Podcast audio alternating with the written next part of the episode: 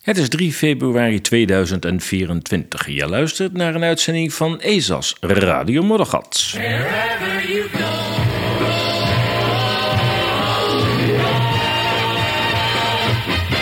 You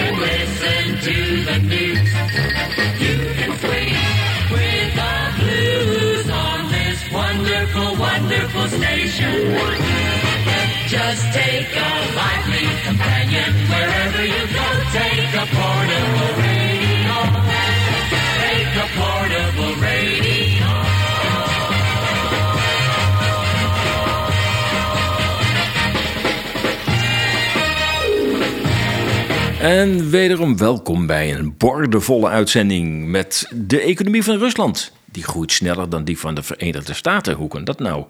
Het stroomnet is vol.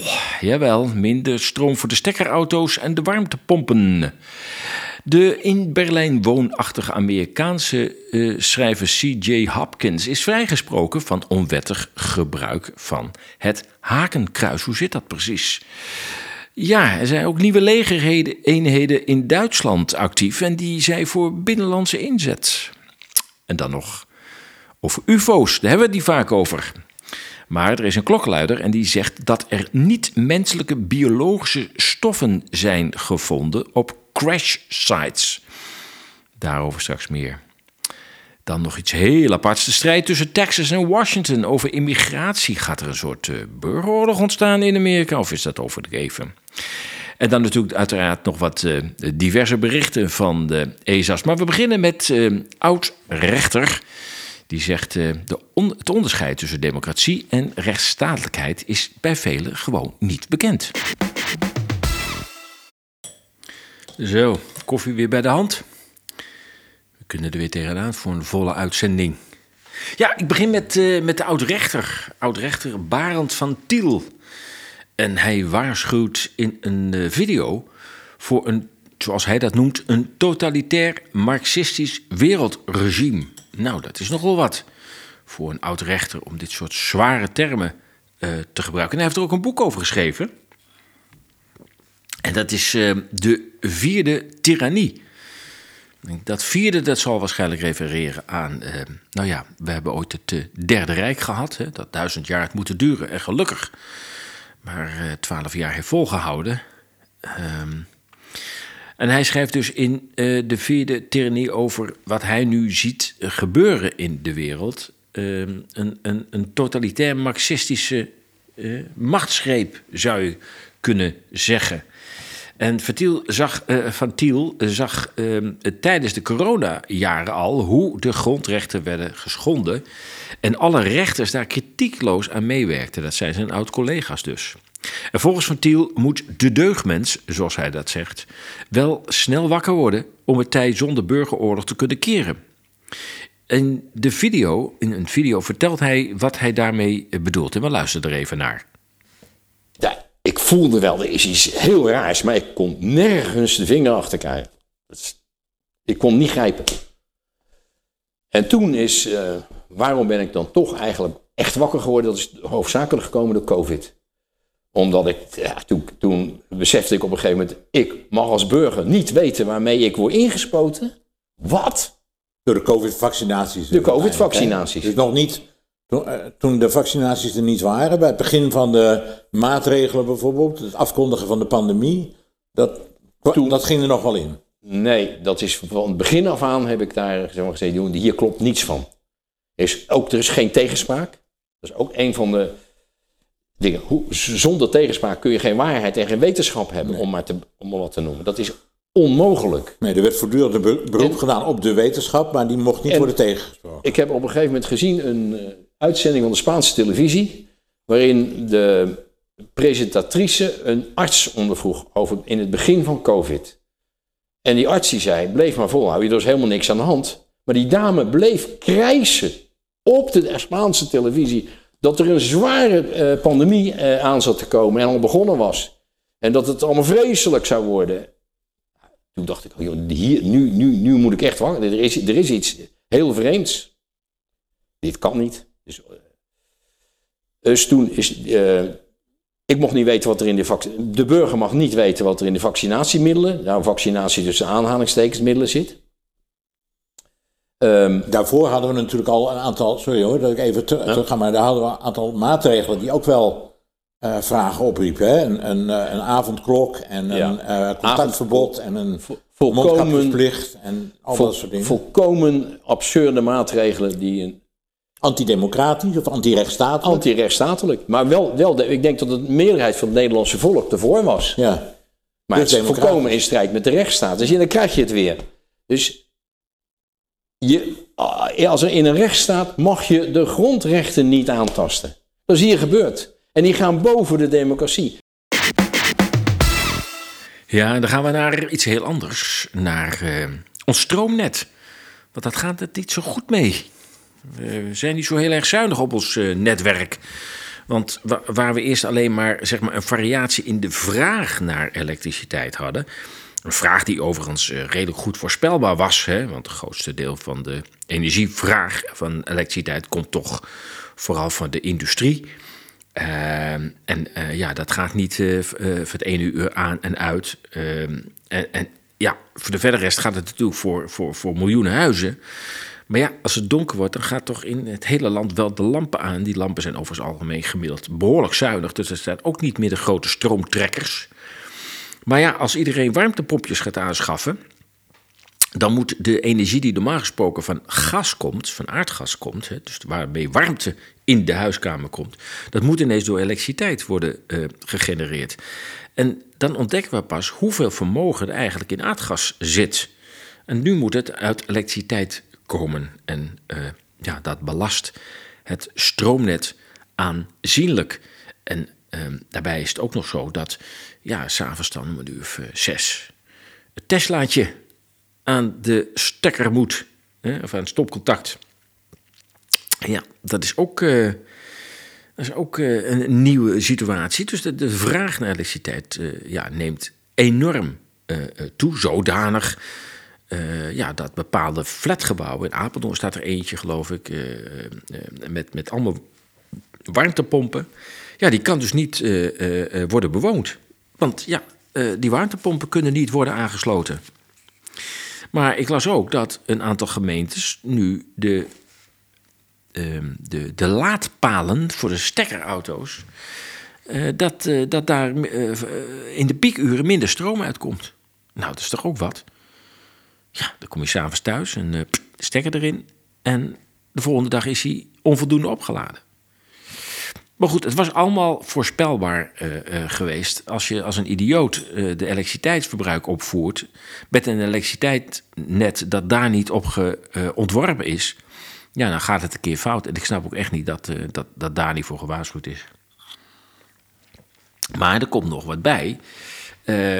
Daarnaast hebben we dus ook nog wiebelstroom. Hè? Dus we hebben naast zeg maar, het verbruik, wat nu behoorlijk eh, toeneemt.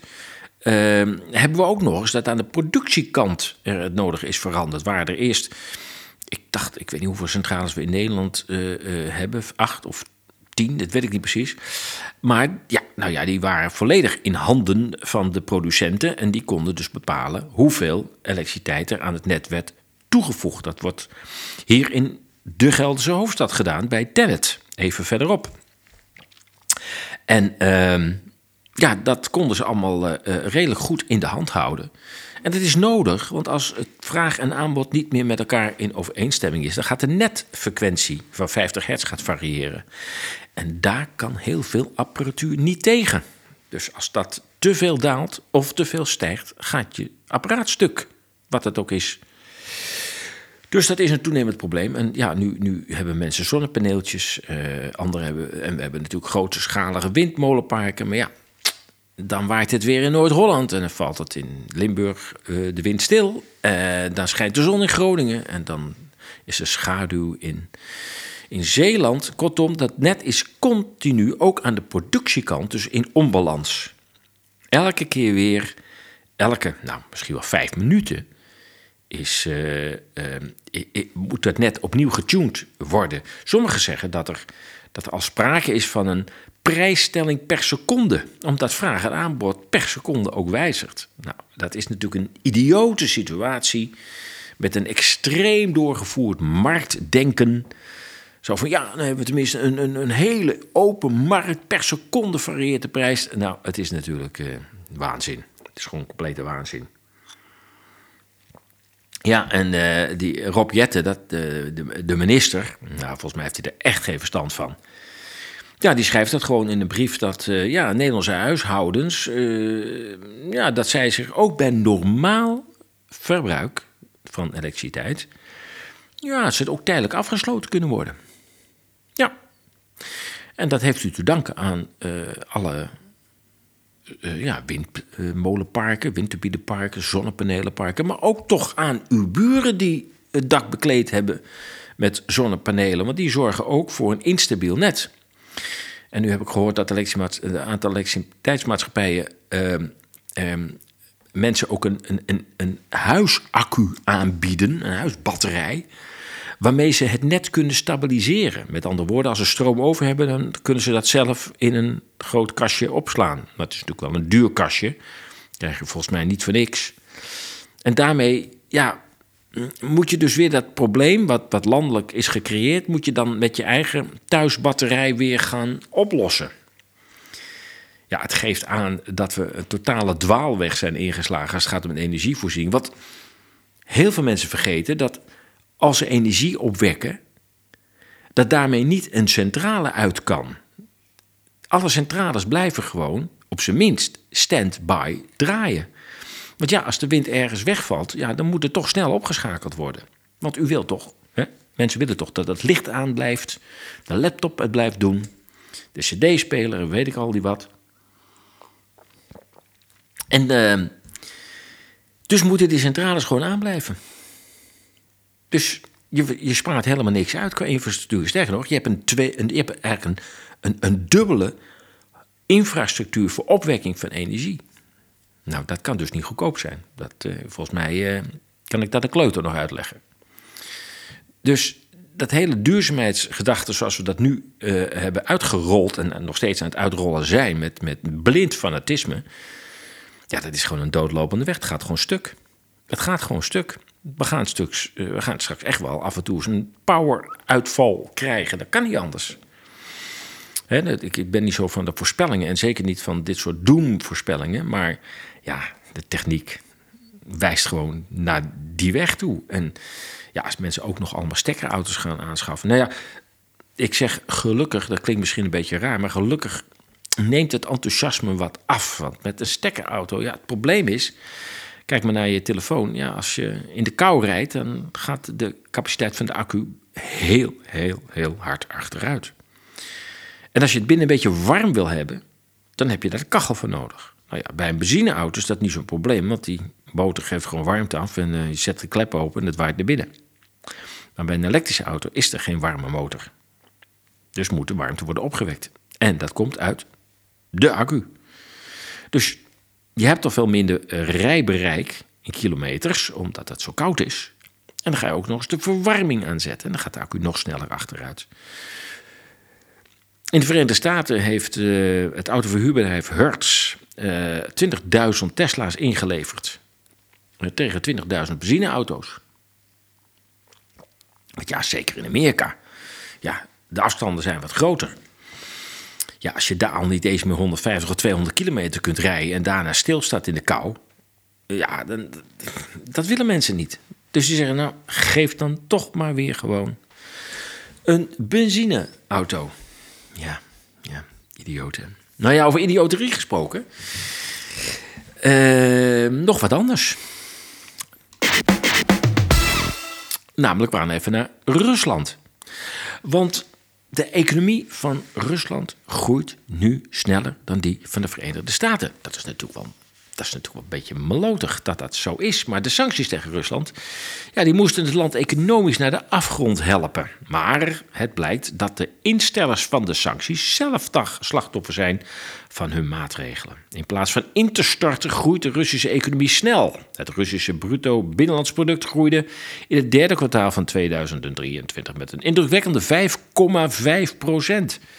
De definitieve cijfers voor het jaar zijn nog niet binnen, maar de Russische BBP-groei voor heel 2023 zou wel eens met 3% kunnen eindigen aan groei. Ja, ironisch genoeg doen de Russen het dus een stuk beter dan diegenen die hen de sancties oplegden. In 2023 groeide de Amerikaanse economie met 2,4 procent. Ja, ja, terwijl de Duitse economie kromp en het zal nog verder krimpen. En de EU als geheel met minder dan 1% groeide. Ja, nog wel. Maar ja, als Duitsland eh, onderuit gaat, dan kan ik je verzekeren dat, eh, dat wij daar gewoon echt behoorlijke last van krijgen. We gaan naar Berlijn, naar C.J. Hopkins. Ik weet niet of je hem kent, maar de Substack-lezers die zullen hem wel eens een keer zijn tegengekomen. C.J. Hopkins is een Amerikaanse eh, toneelschrijver, ehm, politiek satiricus en auteur. Eh, en hij heeft behoorlijk van zich laten horen tijdens de hele COVID-schandaal, ja, kan ik eigenlijk wel zeggen.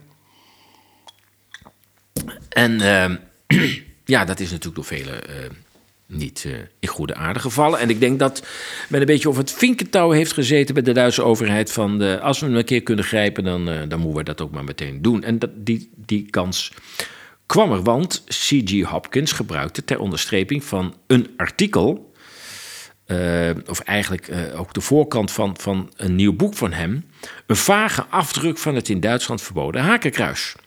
En dat was geprojecteerd op een mondmasker. Hij zegt trouwens, uh, het was achter het mondmasker uh, bedoeld. Hè. Het mondmasker was eerst en daarachter schijnt dan het haarkruis door. Nou ja, het is niet goed te zien op het boek hoe dat nou precies uh, zit in termen van volle woorden. Maar goed, die Duitse justitie beschuldigde hem van het gebruik van dit verboden symbool. En ja, vorige week werd Hopkins vrijgesproken. Maar de marges van de vrije meningsuiting worden wel kleiner. Met het gebruik van een vage afbeelding van een hakenkruis op zijn nieuwe boek en in twee tweets riskeerde schrijver Hopkins 60 dagen gevangenisstraf en 3600 euro boete. De Duitse justitie maakte er een zaak van. En vorige week kwam die zaak dus in Berlijn voor, uh, waar Hopkins woont. Ja, Hopkins heeft zich al vanaf het eerste begin van het corona-gebeuren zeer kritisch opgesteld. Ook ESAS heeft artikelen van, van Hopkins overgenomen. Zo nam hij het op voor de truckers in Canada die hun collega's steunden die ervoor hadden gekozen niet de bekende prikken te nemen. Woonachtig in Berlijn volgde hij ook de repressieve Duitse politiek op de voet en stak hierover zijn mening niet onder stoelen of banken. Een tweet van de minister van Volksgezondheid, Karl Lauterbach, schoot Hopkins in het verkeerde, verkeerde keelgat. Hierin gaf de minister aan dat het dragen van het mondmasker, dat daar een signaal van uitgaat. We weten nu dat dat ook de reden van de draagplicht was. De angst voor het virus en de prikdwang moest worden bevorderd. Medisch gezien, en daar zijn de meeste artsen het nu wel over eens, idem met RIVM, in het begin zeiden ze dat, uh, uh, had dit stukje deels vervuilde vezeldoek, uh, had medisch gezien geen noemenswaardig effect. Ja, Hopkins reageerde op Twitter, maar ook, ja, die reageerde op Twitter met een foto van de omslag van zijn nieuwste boek, The Rise of the New Normal. Dan heeft hij het over Duitsland. En daar staat dus een mondkapje op met een heel, heel transparant, zie je daar het hakenkruis. En dat viel verkeerd bij de Duitse justitie en stelde vervolging in. En daarmee het gebruik van het hakenkruis, los van de context van het gebruik, gelijkstellend met vermeende nazi-sympathieën van Hopkins. Maar wie ook maar een paar stukken van de schrijver leest, ziet al snel dat Hopkins niet in de rechterhoek te vinden is. Opmerkelijk is hoe de rechtelijke macht hem op het spoor kwam. Via de verklikkersorganisaties die met staatsgeld zijn opgericht. Uit dossiers blijkt dat de melding aan het Openbaar Ministerie in Berlijn afkomstig was van het Hessische Cyber Competence Center, in goed Duits. Het centrum is verbonden aan het Hessische ministerie van Binnenlandse Zaken. Hessen is dus een, een van de deelstaten van Duitsland. Ja, met het gebruik van het hakenkruis op zijn boekomslag, zij het in zeer moeilijk zichtbare vorm, wilde de schrijver juist waarschuwen voor tendensen van een naderende autoritaire staat. Een waarschuwing die in de meeste westerse landen te horen is van Canada, Verenigde Staten, Verenigd Koninkrijk, België, Nederland en nog zoveel andere landen. Er zijn daarmee al veel kanaries in de kolenmijn die naderhand, on, die, die naderhand onheil bespeuren en daarvoor waarschuwen.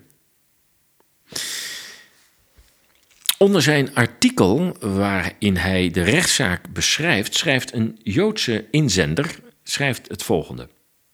Als Joods persoon juich ik het toe dat je je uitspreekt over de waarheid en dat je het New Normal Germany vergelijkt, of vergelijkbaar noemt met Nazi-Duitsland. Het censureren van vrije meningsuiting is niet democratisch. Het is autoritair en we weten dat het niet goed afloopt. Ik bid voor je vrijspraak in het onrechtvaardige onderzoek. En bedoelt hij dan mee natuurlijk de rechtszaak. Ja, wat justitie en waarschijnlijk de politieke aanjagers van het vernietigende coronabeleid stak, was de link die Hopkins met deze uitleg legde tussen de zeer repressieve en ongrondwettelijke coronamaatregelen en de werkwijze van het nazi-regime. Een verboden vergelijking, maar die steeds meer mensen, en zeker in Duitsland, maken. Wat Hopkins in zijn artikel over zijn vervolging terecht aandroeg, was dat er talrijke publicaties in Duitsland te vinden zijn die het hakenkruis gebruiken. En het kan blijkelijk voor justitie dus geen aanleiding zijn tot vervolging. En hij laat daar ook een aantal voorbeelden van zien. En in het artikel dat uh, nu op de website staat, kun je dat ook, uh, kun je dat ook zien. De vervolging zal dan ook eerder vanuit de politieke echelons zijn geantameerd van de minister met zijn onnavolgbaar beleid, die zijn onverdedigbare maskerplicht in een kwaad daglicht gesteld zag. Justitie veroordeelde hem aanvankelijk tot een straf van 60 dagen of een boete van 3600 euro. Want zo gaat dat blijkbaar in Duitsland. Je krijgt dan al meteen een straf opgelegd door de staatsanwalt. Dus er is nog helemaal geen rechtszaak geweest. Dus uh, ja, je wordt eigenlijk als schuldig bevonden voordat er een rechtszaak is. Dat is best wel apart en ook wel eigenlijk eng. In Nederland is dat in ieder geval formeel nog niet zo. Dus je moet toch wel, uh, je kunt in staat van beschuldiging worden gesteld. Maar uiteindelijk in een rechtszaak moet de schuld worden vastgesteld. Maar daar gaat het voor af. Je krijgt alvast, zeg maar, een, uh, een straf opgelegd. 60 dagen gevangenis in dit geval of 3600 euro boete. En uh, ja, daarna komt de rechtszaak en dan uh, wordt wel gekeken of dat terecht was. Dus een iets omkering van situatie. Dat is, uh, ja, goed. Hopkins accepteerde de strafbeschikking, want zo heet dat in Duitsland, niet en liet de zaak bij de rechtbank voorkomen. En hij zei, zei erover onlangs in een van zijn artikelen. En als we verliezen, gaan we in beroep. Desnoods bij het Europees Hof voor de Rechten van de Mens. Ik ga niet naar de gevangenis, want ik heb niets verkeerd gedaan. En ik ben te oud om in Moabit, de hoofdgevangenis van Berlijn, uh, uh, te zitten. En dat vertelde hij tegenover de Neue Zürcher Zeitung, die hem overigens een beetje belachelijk neerzette. Had je anders verwacht? Nee. Uh, het is in de hele westerse wereld een beproefd recept om kritiek op hoofdthema's van beleid, klimaat, corona of woke direct te delegitimeren met extreem rechts, antisemitisch of fascistisch. De Duitse ex-Moskou-correspondent van het populaire Duitse blad Focus en nu zelfstandig journalist Boris Reitschuster, die reageert als volgt. Deze tactiek behoort nu helaas tot het standaardrepertoire van het politiek mediacomplex en de rechterlijke macht en staat geheel in de traditie van de DDR. Dat men dit nog kan zeggen is waarschijnlijk alleen te danken aan het feit dat de extreem linkse Duitse dictatuur in de relevante kringen meer door een roze bril wordt bekeken. Einde uh, citaat. Dus dat, hij wilde mee zeggen van ja, uh, in, in het linkse kabinet kijkt men uh, met, door een roze bril naar de DDR. Maar zo leuk was het daar niet. En het begint heel erg op die oude DDR te lijken. Zo zie je, er worden twee vergelijkingen gemaakt. De meest beladen is de vergelijking natuurlijk met Nazi-Duitsland. En de minder uh, beladen variant is die met de DDR. Ik moet zeggen, ik maak hem ook vaker met de DDR dan met de nazi. Omdat mensen, als ze dat horen met de nazi-tijd, kunnen ze dat niet meer loszien van de oorlog en van de holocaust. Dat snap ik ook wel. Maar daar gaat het dan niet over. Het gaat om de aanlooptijd van 1933 tot 1940. Maar goed, dat, dat, die nuance valt bij heel veel mensen weg.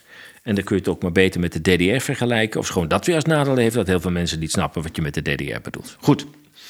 Hopkins was duidelijk opgelucht toen de rechter in het intimiderend donkere en omvangrijke Berlijnse rechtsgebouw, ik dacht in de Toornstrasse als ik het goed heb, tot vrijspraak kwam. En daarover eh, zei Hopkins: Mijn showproces voor gedachtenmisdaden voor de strafrechtbank in New Normal Germany verliep dus vrij goed. Ik ben vrijgesproken. Technisch gezien is het nog niet voorbij, want de aanklager heeft een week tot 1 januari was dat dan. En ik heb niet gehoord dat er beroep is ingesteld. eh, de tijd om in beroep te gaan tegen deze beslissing. Maar gezien de omstandigheden betwijfel ik, zei Hopkins, of hij dat zal doen. Hij heeft zichzelf gisteren voor een groot publiek voor gek gezet. Ik kan me niet voorstellen dat hij dat nog eens wil doen. Einde citaat. Ja, ter verdediging heeft Hopkins een lange verklaring opgesteld en die heeft hij in de rechtszaal voorgelezen. Ehm, ik, zou, ik wil daarvoor naar de website verwijzen. Ik zal één stukje eruit eh, halen. Ehm, even kijken, welk stukje zal ik daarvoor eh, nemen? Ja, ik zal dit citaat daar eens even uithalen. Ik heb de opkomst van al deze kenmerken van totalitarisme in samenlevingen in het hele Westen, inclusief, maar niet beperkt tot Duitsland, gedocumenteerd sinds maart 2020. Ik zal dat blijven doen. Ik zal lezers blijven waarschuwen voor deze nieuwe opkomende vorm van totali- totalitarisme en proberen het te begrijpen en er tegen in verzet te komen. Ik zal deze nieuwe vorm van tota- totalitarisme vergelijken met eerdere vormen van totalitarisme en specifiek met Nazi-Duitsland, wanneer dat gepast is en bijdraagt aan ons begrip van de huidige gebeurtenissen. Dat is mijn taak als politiek satiricus en commentator en als auteur en mijn verantwoordelijkheid als mens. Einde citaat. Ja, de rechter die reageerde. En een van de elementen waarmee de rechter, was een vrouw, reageerde, was als volgt: dat zij aangaf een kleindochter te zijn van nazi-slachtoffers. En dat Hopkins dus niet zo hoog van de toren moest blazen. Zij zei letterlijk van. eh, eh, dat zij het ideologisch gewauwel van hem had aangehoord. Maar dat was niet strafbaar volgens haar. Dus daarmee werd zijn hele pleidooi eigenlijk als ideologisch gewauwel afgedaan. Aan het einde van de hoorzitting verliet de rechter de rechtszaal met een FFP2-masker op. Ja, dat is dus een. Dat is gewoon intimidatie in feite. En ook extreem kinderachtig. Ik ga nog even een naar Boris Reitschuster. Ik kan hem zeker aanbevelen eh, om hem eens te lezen. Ik vind hem eerlijk gezegd wel wat erg activistisch geworden als journalist. Maar goed, ik snap het ook wel met alles wat hij de afgelopen jaren om zijn oren heeft gekregen. Hij begon echt als, ja, als journalist, maar het is langzamerhand een soort journalistiek activist of een activistische journalist eh, eh, geworden. Maar volgens Reitschuster ehm, zal Duitsland nooit een echte democratie worden. En volgens hem begint het met speldenprikken en intimidatie, escaleert naar uitzetting en vrijheidsberoving en eindigt in openlijke censuur en terreur. Hij zegt letterlijk fysieke aanvallen, uitschelden, accountannulering, bedoelt van social media, bedoelt hij dan van social media of bankrekening, uitsluiting, sociaal ostracisme, oftewel uitsluiting, besmeuren met uitwerpselen en publicatie van privéadressen met verzoeken om huisbezoeken onder de welwillende ogen van de overheid en media zijn slechts de voorbodes van wat er komen gaat. Einde citaat. En verder zegt Wright Schuster: Dit land zal nooit leren wat echte democratie is. In dit land was het slechts een façade die aan flarden werd geschoten door Angela Merkel en haar volgelingen.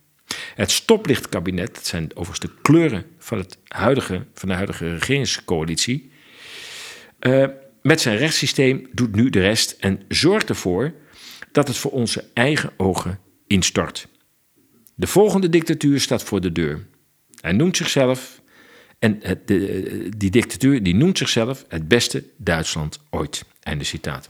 En het beste Duitsland ooit, dat heeft eh, volgens mij Angela Merkel ooit een keer gezegd, maar dat weet ik niet helemaal zeker, of een van de ministers van haar. We leven in het beste Duitsland ooit. Ja, daar kun je dus heel verschillend over denken.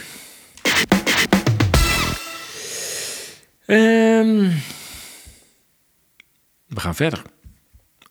Maar we blijven wel in Duitsland. Want wat is er gaande in Duitsland?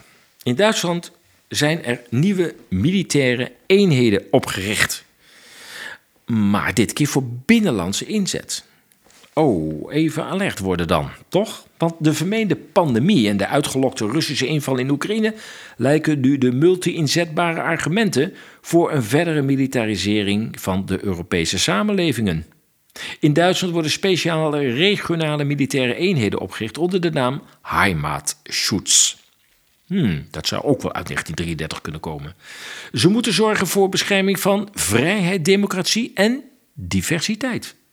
In de tijd van afnemende vrijheid en democratie en opgedrongen diversiteit krijgt het leger een binnenlandse taak om de ingezette politieke koers tegen opstandige burgers te verdedigen. Na de val van de Berlijnse muur en het instorten van de Sovjet-Unie, de gedoodverfde vijand van het Westen, had de NAVO, net zoals de opgeheven tegenhanger Warschau-pact, opgeheven kunnen worden. Wat viel er nog te verdedigen? Zeker tegen een land dat nog lang zo diep in de ellende zat, Rusland, dat er militair weinig meer van te verwachten viel. Maar de Amerikanen kunnen niet zonder NAVO. Talrijke staten van de Verenigde Staten draaien op de wapenindustrie en het land heeft de NAVO nodig om met hulp van Europese handlangers zijn veroveringstochten voor olie, gas en andere grondstoffen te kunnen voortzetten. Maar de legitimatie ontbrak. Er moest weer een vijand komen die de Europeanen zou overtuigen de portemonnee te blijven trekken voor de nieuwste militaire snufjes. Amerikaanse natuurlijk. Met een reeks van operaties, militair, publicitair en politiek, werd Rusland steeds verder gesensibiliseerd, zeg maar uitgedaagd, om zich weer als vijand te gaan gedragen. Dat moment kwam dus in februari 2022 met de inval, oftewel voor de Russen de Special Military Operation. Het Pentagon en de Amerikaanse oorlogsindustrie zal op dat moment de flessen champagne hebben opengetrokken. Met het opblazen van Nord Stream, door de Russen natuurlijk, konden Duitsland en Rusland worden ontkoppeld en de Duitse exportmachine met exploderende energieprijzen tot zwijgen worden gebracht. En niet alleen in Europa lopen de spanningen op, ook groeit de onrust in Duitsland. Veel Duitsers moeten koud douchen, met de wollen trui de winter zien door te komen en geslagen toekijken hoe hun trotse fabrieken moeten sluiten of het land verlaten. De boeren hebben de afgelopen tijd duidelijk van zich laten horen. De regering weet het inmiddels ook. Niet dat ze zich er iets van aantrekken, maar ze zien achter de vitrage van hun kantoren wel de boosheid groeien over hun hoogdravende en economie vernietigende groene politiek. En eh, als je af en toe beelden ziet op eh, social media van toespraken van ministers die dan het land intrekken, omdat ze nattigheid voelen. Dan staan ze daar in zo'n podiumwagen, noem ik het maar, hè? zo'n vrachtwagen. En dan, eh, dan dra- draait het publiek eh, de rug naar ze toe. En dan wordt een fluitconcert opgezet. Dat is onvoorstelbaar. Die, nou, kan de minister zich ook helemaal niet meer verstaanbaar maken. En dan roept die minister nog heel erg wanhopig: We moeten met elkaar in gesprek en laten we naar elkaar blijven luisteren en respect tonen voor elkaar. Ja, dat is natuurlijk water naar de zee dragen, parels voor de zwijnen. Want ja, dat hebben ze de afgelopen jaren ook niet willen doen, de regering. Die hebben ook niet willen luisteren. En dan nu ineens, omdat het moeilijk wordt tegen de bevolking, zeggen: Jullie mogen niet eh, mij uitfluiten, jullie moeten gewoon netjes naar me luisteren. Ja, dat is. Dat is ja, dan, dan, dan snap je werkelijk niet wat er, wat er gaande eh, eh, is. Maar niet alleen in Europa lopen de spanningen op. Ook groeit de onrust in Duitsland. Veel Duitsers moeten koud douchen en de wollen trui in de winter zien door te komen.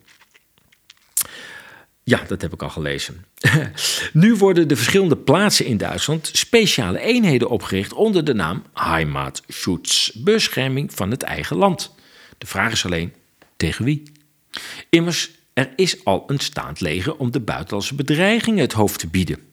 Waarom dan deze nieuwe eenheden? Op de website van de Bundeswehr, oftewel Duitse leger, kun je lezen de binnenlandse veiligheidstroepen zijn bedoeld voor bescherming in beveiligingstaken en voor bescherming van eigendommen. Dat wil zeggen nationale en alliantie-verdedigingsscenario's. Ja, het zijn militairen. Ze zouden in een dergelijk scenario worden ingezet omdat reguliere Bundeswehr-eenheden met andere taken zouden zijn belast. De Russen aanvallen, denk ik dan. Daarnaast omvatten hun taken ook subsidiaire rampenbestrijding en of ondersteuning van bevriende strijdkrachten door het gastland. En in het artikel dat ik daarover heb geschreven zie je ook een foto van tanks die op een trein door de, over de Betuwe-lijn gaat. Af en toe denk je wel eens waarom is die eigenlijk aangelegd? Maar goed, voor al die miljarden. Maar nu rijden daar de Duitse tanks over op weg naar Oost-Europa. En uh, ik zei uh, uh, ondersteuning van bevriende strijdkrachten door het gastland. En dat heet in militaire termen Host Nation Support. En in een korte toelichting vertel ik wat dat precies betekent in dat artikel. Nou ja, goed, in ieder geval dat project Heimatschutz werd in april 21 gelanceerd onder het motto Jouw jaar voor Duitsland. Volgens het Duitse ministerie van Defensie geeft het project, en ik citeer, vrouwen en mannen de kans betrokken te raken bij de binnenlandse veiligheid, vooral in hun regio. Einde citaat. Het gaat overigens bij het leger nog steeds over vrouwen en mannen. Dat is op zich al winst. Volgens de toenmalig minister Kramp Karrenbauer is er een buitengewoon grote vraag naar deze dienst. En zij zei destijds: We realiseren ons dat vooral de jonge generatie in Duitsland een sterk verlangen heeft om iets terug te doen voor het land en de mensen in dit land en om betrokken te raken, zei de minister. Nou ja, vooralsnog worden de eenheden samengesteld uit vrijwillige toetreders. Om jongeren te trekken heeft de inspecteur-generaal van de Duitse strijdkrachten, generaal Eberhard Zorn, besloten dat jonge recruten in de toekomst een uur later aan hun dienst mogen beginnen, wat betekent dat ze langer mogen slapen. Nou, kijk, uitslapen in het Duitse leger. Ik denk dat ze in het Kremlin wel een beetje zitten te gniffelen. Die Duitsers die gaan tegenwoordig uitslapen. Goed, het doel is om het uitvalpercentage tijdens de basistraining te verlagen door flexibele aanpassing van, aan de nieuwe realiteit van het leven van jonge soldaten. Ja, jonge soldaten willen ook parttime werken, dus misschien komt er ook wel een parttime leger. Dat zou allemaal kunnen. Daarbij is de taak van deze eenheden vooral gericht op het verdedigen van vrijheid, democratie en diversiteit in het vaderland is verder te lezen. En deze eerste twee aspecten, vrijheid en democratie, worden niet zozeer door de bevolking bedreigd, maar door de regering zelf, zou ik zeggen. Tijdens COVID was zelfs het lopen met het boekje met de Duitse grondwet aanleiding tot arrestatie. Ja, dat is werkelijk gebeurd. In Berlijn. Mensen die zeiden: Hallo, beste regering, hou je aan de grondwet? En hadden het boekje, dat kun je in Duitsland zo overal krijgen bij overheidsinstellingen, met de grondwet. En dat boekje dat hielden zij voor zich. En het was verboden. Dus die mensen werden opgepakt. Omdat ze met het boekje van de Duitse grondwet liepen. De Bundesweer zet zich volledig in om deze vrijheid en democratie en diversiteit te eh, beschermen, zegt de minister. En met deze laatste term, uh, diversiteit, uh, lijkt Defensie ook uitingen van de toenemende onvrede met de opgedrongen massa-immigratie en de woke-agenda te moeten gaan bestrijden. Met andere woorden, er zit een politiek tintje aan de inzet van die strijdkrachten. Nou ja, het eerste regiment bestaat inmiddels al in, de, in Beieren. En met deze ontwikkeling verdwijnt de, de scheiding der machten. De wetgevende, de rechtsprekende en de uitvoerende macht vrijwel volledig. De politiek krijgt steeds meer directe sturing van een politiek gedreven sterke arm in dit geval het leger. We zien het ook in Nederland, waar de nationale politie rechtstreeks onder de minister van Justitie en Veiligheid valt. Volgens luitenant-generaal White als ik het goed uitspreek, W-E-I-G-T, ja, Wijkt, denk ik, vinden de meeste binnenlandse veiligheidsmissies buiten een situatie van spanning of verdediging plaats. Er gelden duidelijke rules of engagement, zegt hij. Er moet volgens Wijkt onderscheid worden gemaakt tussen poli- politietaken enerzijds, die niet zijn weergelegd voor de Bundesweer, en verantwoordelijkheid binnen een militaire veiligheidszone anderzijds. Daarmee lijken deze Heimatschutzeenheden niet te worden ingezet voor de bestrijding van binnenlandse onlusten. Vooralsnog. Maar ja, inmiddels bouwt het eh, Duitse leger gewoon verder, want steeds meer signalen duiden op een mogelijkheid van een gewapende confrontatie met Rusland. En zo geeft White, generaal, als voorbeeld dat bij grote NAVO-oefeningen tijdens de Koude Oorlog een boerderij met militair materieel tot militair veiligheidsgebied wordt verklaard. Dit moest dan dienstovereenkomstig worden beveiligd. Het is denkbaar, zo wijkt, dat de territoriale reserve, want zo heten die groepen ook, in de toekomst weer soortgelijke taken zal moeten vervullen. En voordat reservisten echter kunnen worden opgeroepen voor grootschalige oefeningen zoals Defender 2020, moeten de structuren in de territoriale reserve worden opgezet en moet het trainingsniveau op passend niveau zijn. De voorzitter van de reservistenvereniging, Patrick Zensburg, heeft opgeroepen tot een verdrievoudiging van het actieve Bundeswehrreserve in de komende jaren. Zo meldt de Tagesschau. Hoewel dit getal ambitieus is, zou het uiteindelijk waarschijnlijk niet eens genoeg zijn, waarschuwde hij. Hij roept daarom op om het aantal actieve reservisten in de Bundeswehr te verdrievoudigen. Hij zegt erover: over een paar jaar zouden we ongeveer 10, nee, 100.000 reservisten moeten hebben die regelmatig oefenen. Tja. Eh, ja, dan gaan we natuurlijk nog even naar de Nederlandse admiraal Rob Bauer. Want die zorgde op 17 januari op een NAVO-top voor opschudding binnen Duitse legerkringen. Toen hij sinds speelde op een naderende oorlog. Dus zelfs de Duitse aanwezigen, militairen, die eh, hadden zoiets. wat zegt die Bauer nu? Die waren helemaal verbouwereerd.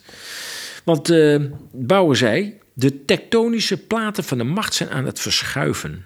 Om deze collectieve verdediging te versterken en tegelijkertijd Oekraïne te steunen in zijn strijd om te overleven. Ja, we gooien het, eh, we gooien het plat en we laten het plat gooien. Moeten we aanpak kiezen die de hele samenleving omvat. We moeten ervoor zorgen dat de publieke en private actoren overschakelen van een tijdperk waarin alles voorspelbaar, eh, eh, controleerbaar is en gericht op efficiëntie naar een tijdperk waarin alles op elk moment kan gebeuren. Een tijdperk waarin we altijd het onverwachte moeten verwachten. Einde citaat van de heer Rob Bauer, Nederlands admiraal. Nou ja, ondertussen bereidt Zweden zich voor op eh, grote aantallen te begraven personen, lees ik eh, in. eh, ik dacht dat het een Zweedse krant was. Ja, inderdaad. Na de Russische invasie in Oekraïne is de Kerk van Zweden haar crisis- en paraatheidsplan aan het bijwerken. Dit omvat onder andere het waarborgen van identificatie tijdens begrafenissen, maar ook de aanschaf van extra scheppen en werkhandschoenen. En Duitsland neemt ook een stap die kan wijzen op een toekomstige oorlog. Tegenover Deutsche Welle zei eh, Marie-Agnes Strack-Zimmermann, lid van de FDP, de Vrije Democratische Partij, en voorzitter van de Defensiecommissie van het Duitse parlement, dat zij zich kan voorstellen om het Duitse leger open te stellen voor kandidaten van over het hele continent. Een voorstel dus om buitenlandse burgers te laten dienen in het Duitse leger, bekend als het Bundeswehr. Dat zou dus kunnen worden uitgebreid naar Europeanen in landen buiten de EU, vertelde ook een hooggeplaatste Duitse wetgever, of parlementslid, aan Deutsche Welle. Ja, ze voegde eraan toe dat kandidaten in eerste instantie uit de EU kunnen komen, maar ook uit landen als het Verenigd Koninkrijk, een voormalig EU-lid, of het neutrale Zwitserland. Maar er is ook ruimte voor recrutering buiten deze landen. En daar zegt die strak Zimmerman over. Ik denk dat Europa ook verder overwogen moet worden. dat in Europa overwogen moet worden. Namelijk diegenen die misschien in Europese staten wonen, maar die nog niet tot de Europese Unie- behoren, maar die misschien wel toetredingsonderhand- in, eh, toetre- toetredingsonderhandelingen zijn. Einde citaat. Ja, dus dat zijn de landen die nog moeten toetreden tot de Europese Unie. En die eh, moeten dan alvast soldaten leveren voor het Duitse leger. Dan, leef je toch, dan, dan heb je toch alles rond de Tweede Wereldoorlog gemist als je denkt dat dat gaat gebeuren. En moet het dan Oekraïense soldaten zijn? Die hebben ze niet meer. Dus waar praat je dan over? Ja, de ontwikkelingen gaan nu snel en met deze stap is niet ondenkbaar dat er honderdduizenden vaak jonge mannen uit landen buiten Europa straks als tegenprestatie voor hun verblijf in dienst van het leger zullen moeten treden. De immigranten. Maar ook zonder deze optie lijkt de oude ambitie voor een Europees leger, dankzij de uitgelokte inval van Rusland in Oekraïne, eindelijk zonder gemor tot stand te komen. De NAVO mag Poetin dankbaar zijn voor zijn ondoordachte grensoverschrijdende stap. De budgetten voor de Europese wapenaankopen in de VS exploderen. En de NAVO lijkt weer een decennium haar bestaansrecht te kunnen bewijzen. Door de chaos die wordt gecreëerd zal bovendien de corruptie en de overheidsontsporingen tijdens de C-perioden, jawel, ik bedoel dus COVID, eh, snel verwateren. Zeker nu zowel in Nederland, Duitsland en andere deelnemende landen vanwege de omvang van NAVO-oefeningen, Nordic Response, de militaire activiteiten zichtbaar zullen zijn voor alle burgers in Europa en in het bijzonder voor het Duitse publiek. En dan zullen dus alle gevolgen van de prikken snel in vergetelheid raken. Burgers zullen zich erop moeten voorbereiden dat hun overheden de samenlevingen steeds verder in chaos zullen brengen. En dat is even wennen, na decennia van ogenschijnlijke rust stabiliteit in ons deel van de wereld. Ja, en dan nu een onderwerp waar ik het niet veel over eh, heb eigenlijk. Over UFO's. Want eh, er zijn UFO-waarnemingen al heel lang. En eh, ja, dat wordt onder de pet gehouden. Zo is de berichtgeving, zo hier en daar. En er is nu een klokkenluider, een Amerikaanse klokkenluider, die zegt dat er niet menselijke biologische stoffen zijn gevonden op crash sites. En ook zijn er mensen die ja, beweren, dat zijn vaak eh, piloten, toch wel vreemde voorwerpen door de lucht te zien gaan. Inderdaad, niet geïdentificeerde vliegende objecten. En eh, ja, ik heb ook een, eh, in, de, in de, het vrijdagoverzicht, noem ik het maar even, de, de, de rubriek on, eh, opgemerkt in de media, heb ik ook een foto eh, eh, geplaatst uit eh, een van de video's. Ehm, ja, waarbij je zegt, ja, het, is vaag. Het is altijd, dat, dat vind ik altijd wel het nadeel dat, dat ik nog geen enkele scherpe foto heb gezien van een UFO. Is altijd vaag.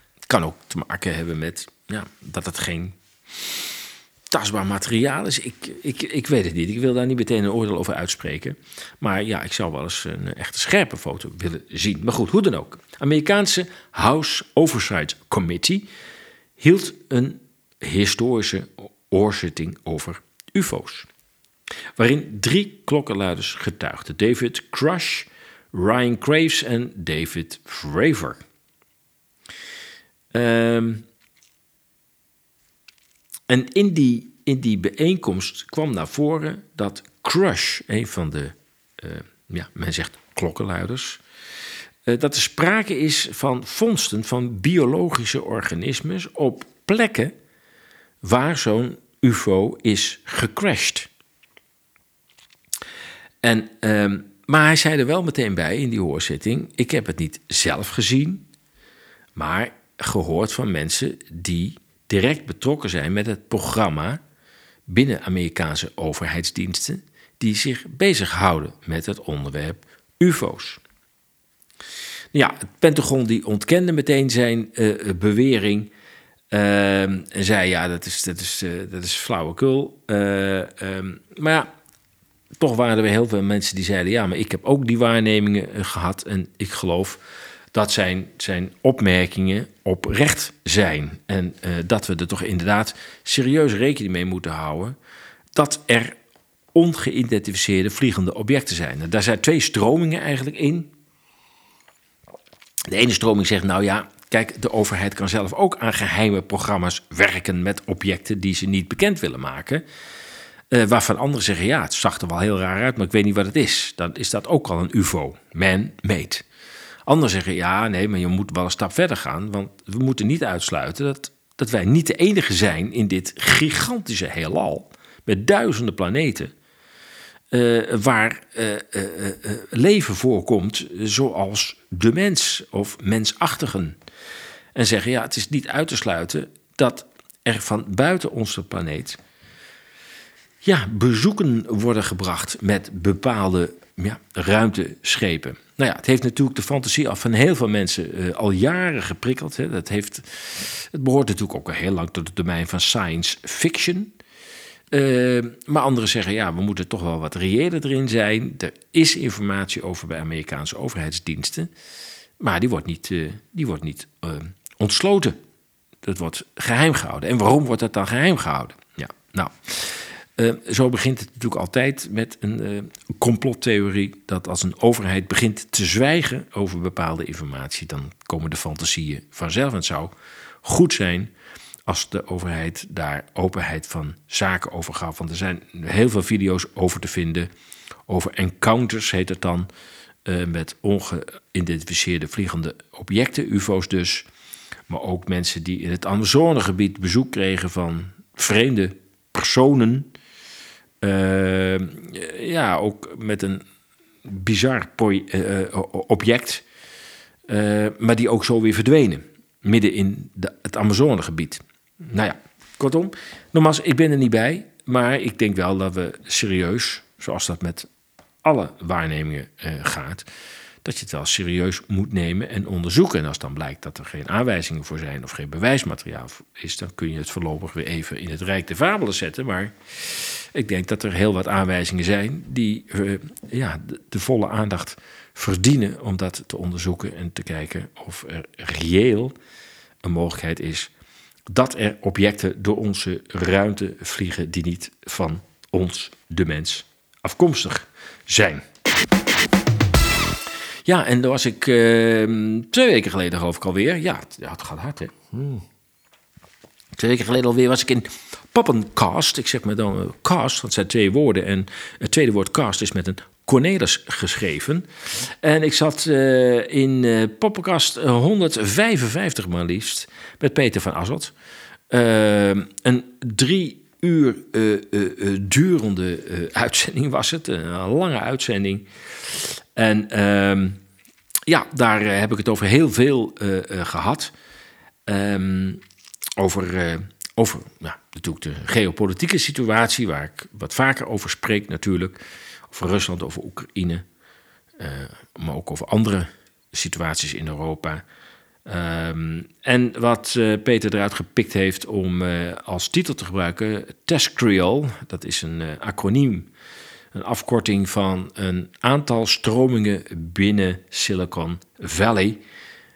die, als je ze bestudeert, ook wel kunt herkennen. En dat je denkt, hmm, die kant gaat het dus wat deze mensen betreft, met invloed, zou het dus opgaan. Nou, ik was heel blij overigens met de, de reacties op, eh, op deze uitzending. Eh, mensen vonden het een, zeer eh, informatieve uitzending. En daar ben ik natuurlijk altijd blij mee, want het is altijd de vraag van, ja, komt het allemaal wel over? En vinden mensen het eigenlijk allemaal wel, eh, wel interessant? Dus ja, als je nog een keer wil, wil kijken, dat je denkt, oh, ik wil dat toch eigenlijk ook wel even zien. Het is wel drie uur, hè? het is echt een zondagavondprogramma. Kun je lekker achterover gaan zitten. En eh, het is aflevering 155, dus Poppencast met een C, aflevering 155. En dan kom je met Google, als het goed is, wel eh, precies bij die uitzending uit. Ja, we gaan naar de Verenigde Staten, want ja, wat daar nou allemaal aan de hand is, het is echt ongelooflijk. Want eh, ja, ze hebben daar een immigratieprobleem, zoals wij dat hier ook hebben. En het loopt gewoon uit de hand. Het is geen normale immigratie meer. Waar we misschien 10, 15 jaar geleden nog over dachten van ja, waar maak je je druk om? Ja, nu eh, eh, is er werkelijk wat eh, om, om je druk over te maken. Want in de Verenigde Staten gaat het ongeveer over 300.000 mensen per maand die vrijwel ongecontroleerd binnenkomen. 300.000 per maand. En wat hen opvalt, de, de mensen die aan die grensposten werken, is nou, A, dat het zoveel is dat ze ze ook niet meer kunnen controleren. Ehm, ehm, maar dat ze ook voor een aanzienlijk deel helemaal niet uit Zuid-Amerika komen. Maar uit alle delen van de wereld. En dan rijst de vraag: en hoe komen die mensen dan daar in Mexico terecht om uiteindelijk Amerika in te trekken? Hoe komen die daar? Ja, niet met een bootje. En lopend ook niet en ook niet op de fiets. Die zijn daartoe gevlogen. Dat kost geld. Hoe werkt dat allemaal? Wat voor mechanismes zit hier achter dat dit soort aantallen nu Amerika nou letterlijk overlopen? Als je praat over 300.000, dat is gewoon een leger van, eh, nou ja, het Russische leger heeft, nu 300.000 man na twee jaar in Oekraïne zitten. Nou, dat komt er dus, zo'n zo'n groot leger komt er dus elke maand binnen in de Verenigde Staten. En de Verenigde Staten heeft natuurlijk nogal wat oorlog gelopen. En ja, terroristen kunnen ook heel makkelijk binnenkomen, die lopen gewoon mee. En ehm, ja, het, het, het personeel kan het gewoon niet aan. Die kan het niet allemaal controleren. En bovendien, ze zijn volgens de Biden-regering van harte welkom. Dus je moet ze ook niet stoppen. Open borders, zegt Biden. Ja, vervolgens eh, komen ze dus binnen in de zuidelijke staten, waaronder Texas. Ja, en die zegt, ja, onze dorpen worden gewoon overlopen. Dus ja, we zetten ze maar op de bus naar eh, eh, eh, het noorden van de Verenigde Staten. Ja, daar, daar roepen ze allemaal welkom, welkom. Nou, oké, hier zijn ze dan. En ze worden dan met de bus vervoerd naar steden als Washington, New York, Chicago. Maar goed, die luiden inmiddels, na aanvankelijk te hebben gezegd... oh, kom maar, kom maar, kom maar. Maar ja, de aantallen zijn zo groot... dat New York zegt, ja, we kunnen het gewoon niet meer aan. Wij- Wij, alleen de stad New York heeft al 10 eh, miljard nodig om die opvang te kunnen regelen. Ja, in Nederland is het ook al meer dan, meer dan, meer dan 20 miljard of 24 miljard per jaar. Hè? Mind you. Duitsland is het al 55 miljard per jaar wat aan eh, immigratie wordt uitgegeven. Eh, maar goed, dan gaan ze naar New York, Chicago, Washington. Ja, en dat is een doodlopende weg. Want ja, je kunt niet zo in een woning op, op Manhattan eh, inschrijven. Zo van, nou, morgen heeft u een woning. Nee, die mensen ja, moeten in sporthallen. Ja, dan wordt het wordt erg koud in New York en Chicago. Dus ja, nou, tentenkampen, ja, dat wordt wel een probleem. Nou ja, dan gaan we hotels leegschudden. Dus eh, de boekingen worden opgezegd van mensen die dachten in dat hotel in New York te kunnen overnachten. wordt opgezegd en dan gaan de immigranten erin, voor zover dat kan. Want er is capaciteitstekort, ook met inzet van hotels. Eh, ja, er zijn ook berichten, nogmaals, ik kan het niet bevestigen, want ik ben er niet bij. Maar eh, dat, dat zelfs bij eh, vluchten eh, geboekte passagiers worden geannuleerd. En vervolgens het vliegtuig wordt gebruikt voor het vervoer van immigranten uit de zuidelijke staten naar de noordelijke staten. Ja, Biden houdt voet bij stuk. Ook al zijn het 300.000 per maand. En eh, ja, dat heeft nu tot een eh, behoorlijk hooglopend conflict eh, eh, geleid. Tussen onder andere eh, Texas en, ehm, en de centrale regering, de federale regering in, in Washington. Zeg maar de regering van, van Biden. Het gaat dan voornamelijk om de inmiddels beruchte eh, eh, grensovergang Eagle Pass in Texas. Ehm, maar ook andere zuidelijke staten die eh, hebben gezegd: wij gaan, wij gaan ook meedoen, want bij ons loopt het ook over de schoenen. En het kan zo niet langer doorgaan. Dus er worden marsen georganiseerd naar die grensovergangen. Dat noemen ze convoys. Nou, dat klinkt een beetje weer naar de vrachtwagenprotesten, vrachtwagenchauffeurprotesten in, eh, in Canada. Hè, vanwege de COVID-prikken. Dus hebben ze het over convoy 1, 2, 3. En, eh, allemaal, er is ook een, eh, een website waar dat allemaal kunt volgen. Waar het allemaal op staat. En ook de verklaring die ze hebben afgelegd, de actievoerders. De website heet takeourborderback.com. Takeourborderback.com. En eh, ja, er staat een verklaring op. Eh, er staan ook allerlei, eh, even kijken, Twitter-accounts op die je kunt aanklikken om het allemaal eh, eh, te volgen. Texas, Arizona, Californië, die doen allemaal mee. Want het zijn allemaal staten waar dus de, de immigranten in grote getalen binnenkomen. We the people, taking our border back, is de slogan. Maar ondertussen heeft eh, Biden gedreigd om eh, de National Guard naar Texas te sturen om in te grijpen. Want Texas, de, de, de gouverneur van Texas, heeft aangegeven dat hij. eh, nou, hij heeft niet aangegeven, hij heeft het al gedaan.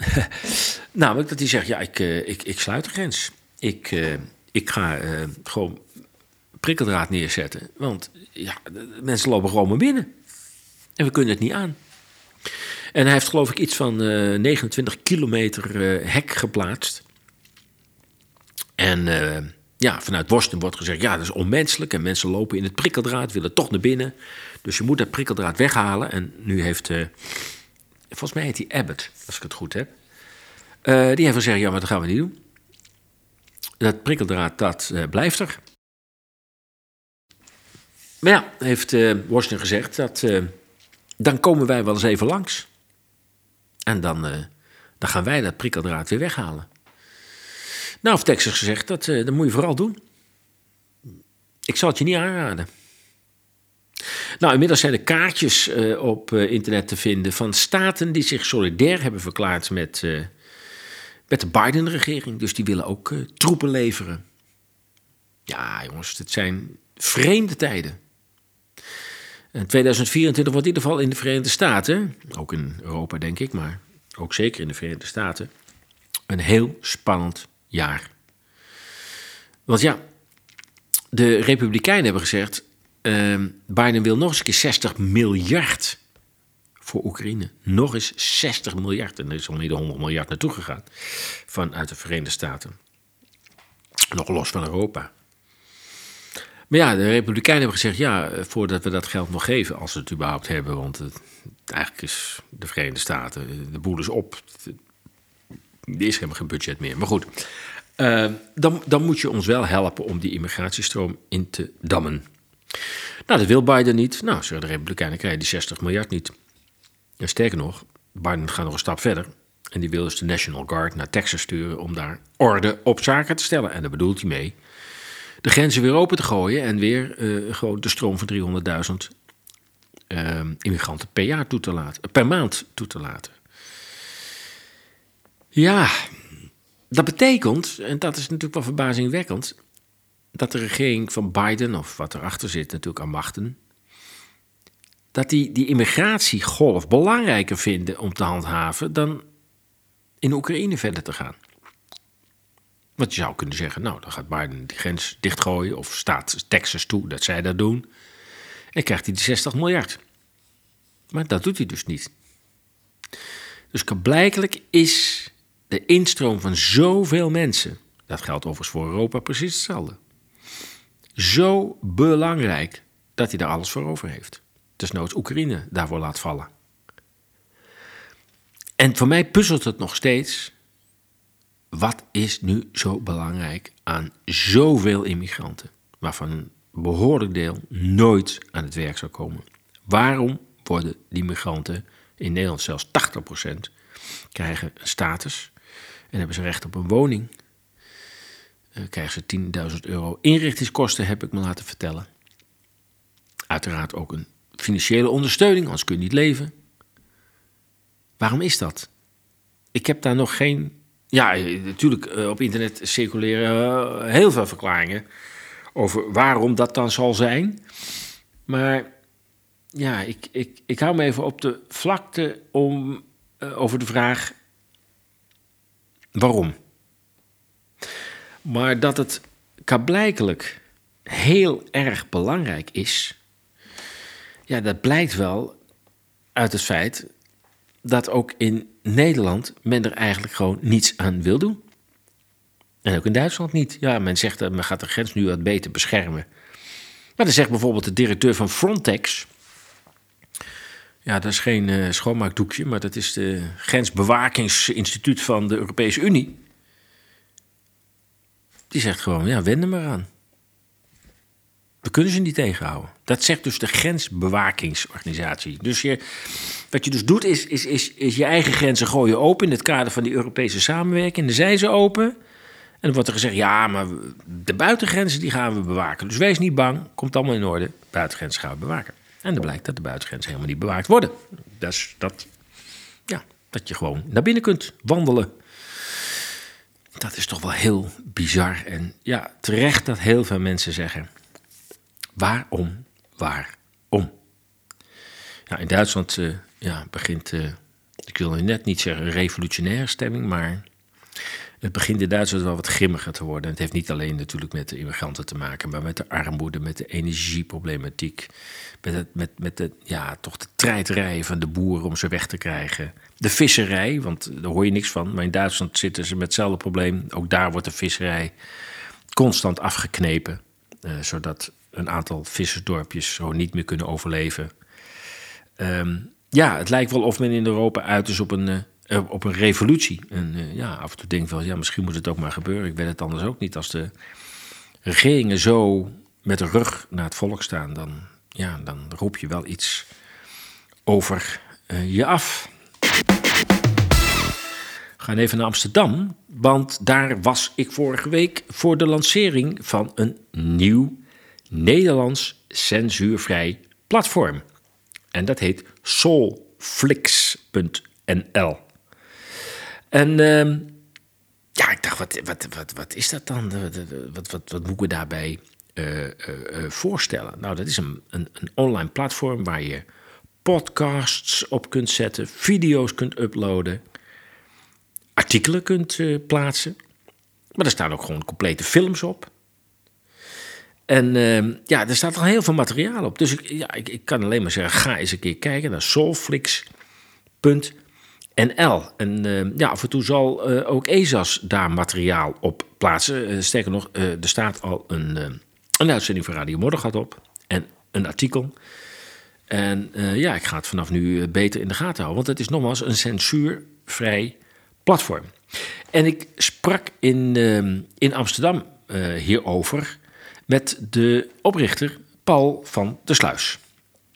Hey Paul, gefeliciteerd. Dank je, dank je Paul. Want ik sta met eh, Paul van der Sluis en je hebt net, eh, ja, ja, kan ik zeggen, een eigen netwerk gelanceerd. Is het een netwerk?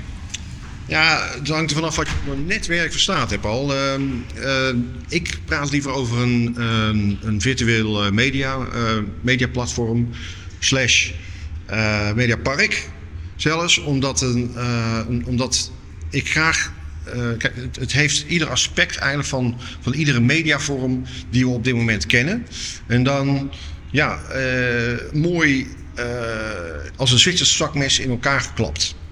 En En noem eens wat voorbeeld media, waar moeten we dan aan denken? nou goed, ehm, ja, kijk, in, in principe hè, heb je alle media. Als je naar het platform gaat, dan, eh, ja, dan valt je natuurlijk gelijk op dat het een beetje een, een YouTube eh, uiterlijk heeft met een, een, een Netflix make-up. Eh, wij vinden het leuk om het om, als catchphrase te zeggen WeTube. Hè, omdat in tegenstelling tot, tot de overige ja, mainstream media is inderdaad allemaal you. Het gaat allemaal om, om ik, gaat allemaal om ego. Het gaat allemaal om ja, ehm, eh, jezelf beter voordoen dan je, dan je bent.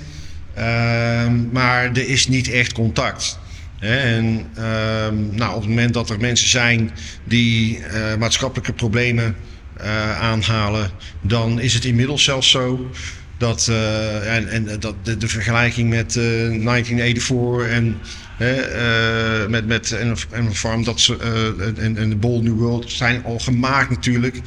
Je hebt het En- over censuur dan natuurlijk. Eh, hè? ja, hebben het over censuur, het ministerie van Waarheid. Hè. Eh, het is grappig, het is, je kan het gewoon naast elkaar leggen. En eh, we leven gewoon in 1984 wat dat betreft. Eigenlijk een censuurvrij platform waar je Ja, ja. beeld op kunt zetten, geluid en tekst. Is dat een beetje de... Beeld, geluid, tekst. Eh, het is ook zo dat je, nou, als je, we hebben ook een academy. Die, eh, die ervoor zorgt dat eh, ja, als, je, als jij kennis hebt om te delen, dat je die in de vorm van een webinar of een lezing of, of een, een online cursus of een e-book kunt, eh, kunt delen ook. Als jij iets organiseert, of het nou een, een festival is of een, of een lezing of ja, gewoon een, een, een plaatselijke beurs of een demo. Dan, nou, dan kan je dat gewoon in de agenda zetten, heel eenvoudig. Even, Ehm, even een heel Nederlandse vraag. Wie, wie moet hier betalen? Is dat de, degene die nou ja, gaat kijken naar het materiaal of luisteren? Of degene die als producent het erop zet? Kijk, ik, ik heb natuurlijk lang nagedacht over hoe we juist een wisselwerking kunnen, kunnen creëren. eh, en een soort economietje ehm, op, op het platform.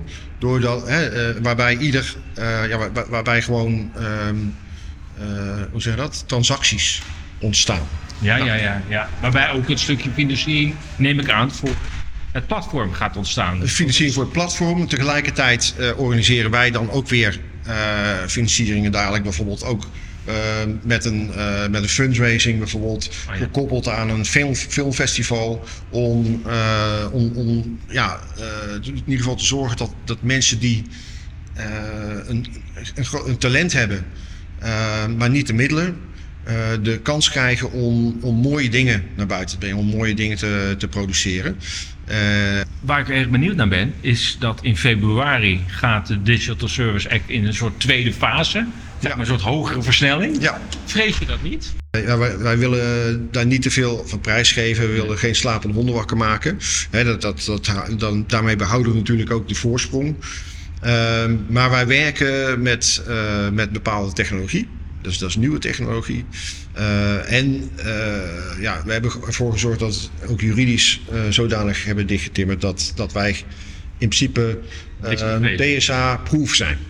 Ah. En daarmee dus ook de bezoeker en de, en de contentmaker op Solflix. Ah, oké. Ja. oké. Solflix is al operationeel.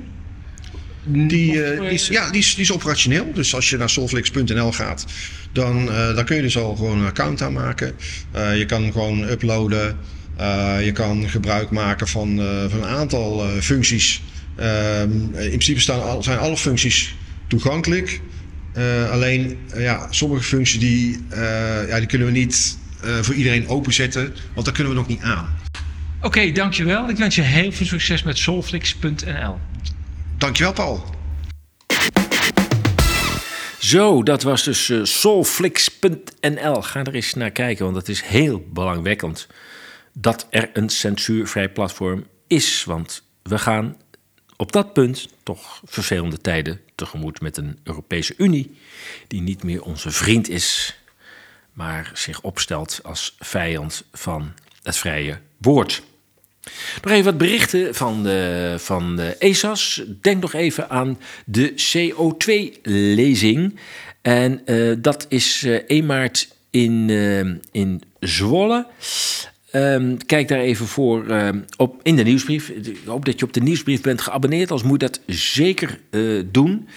Eh, dat vindt plaats in eh, Studio De Nieuwe Tijd in eh, Zwolle.